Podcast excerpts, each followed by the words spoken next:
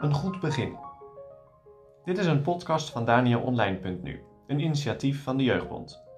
Luister iedere werkdag naar deze podcast en ontdek de boodschap van de psalmen voor jou. Vandaag met Joline van den Ende, jeugdwerkadviseur bij de Jeugdbond.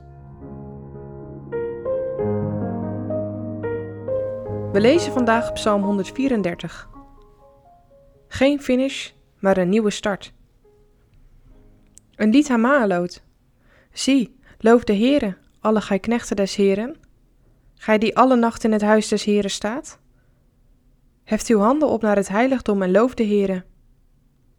De Heere zegen u uit Sion, Hij, die de hemel en de aarde gemaakt heeft.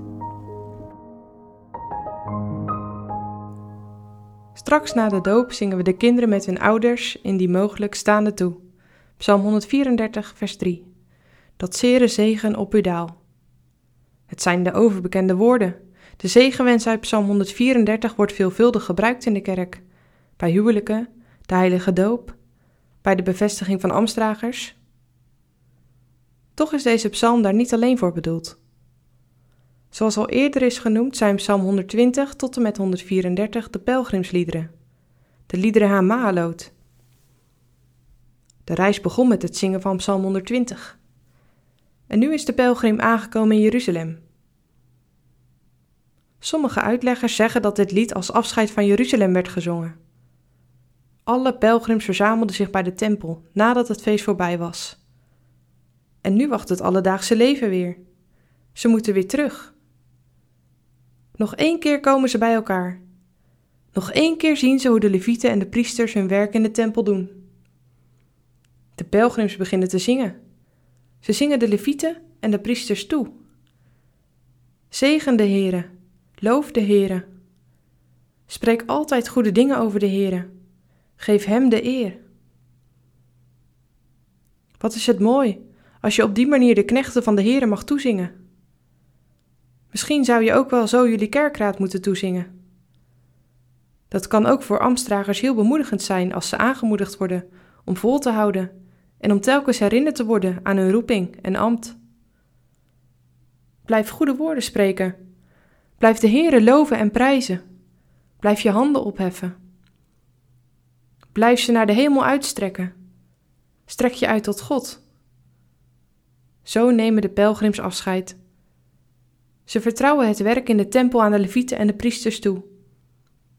Zo konden ze weer het leven in, in de wetenschap dat het werk in de tempel doorgang had.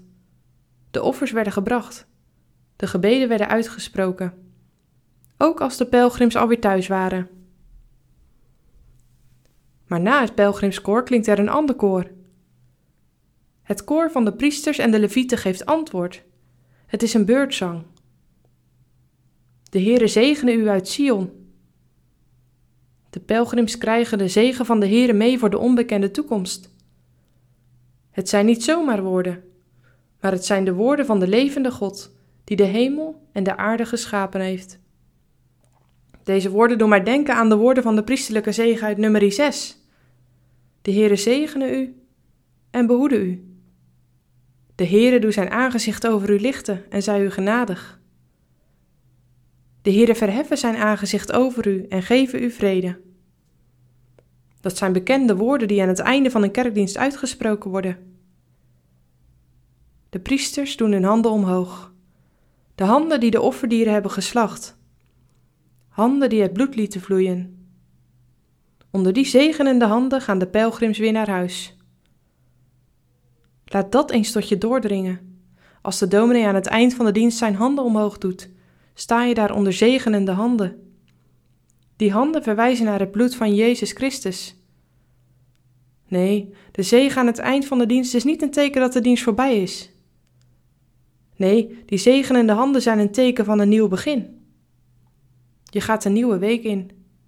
Je hoofd zit misschien al vol met afspraken, nieuwsberichten, verplichtingen en ontmoetingen. Wat kun je jezelf druk maken of zorgen maken? Maar de Heere zegt: Ga onder mijn zegenende handen. Loof, loof dan aller Heer en Heer. De pelgrims wensen de priesters en de levieten de zegen van de Here toe. Ze herinneren hen aan hun taak die ze hebben, dag en nacht in de tempel. Om elke dag de Here te loven en te prijzen, om goed van de Here te spreken. Hoe herinner jij de knechten van de Here daaraan? Hoe bid jij voor hen?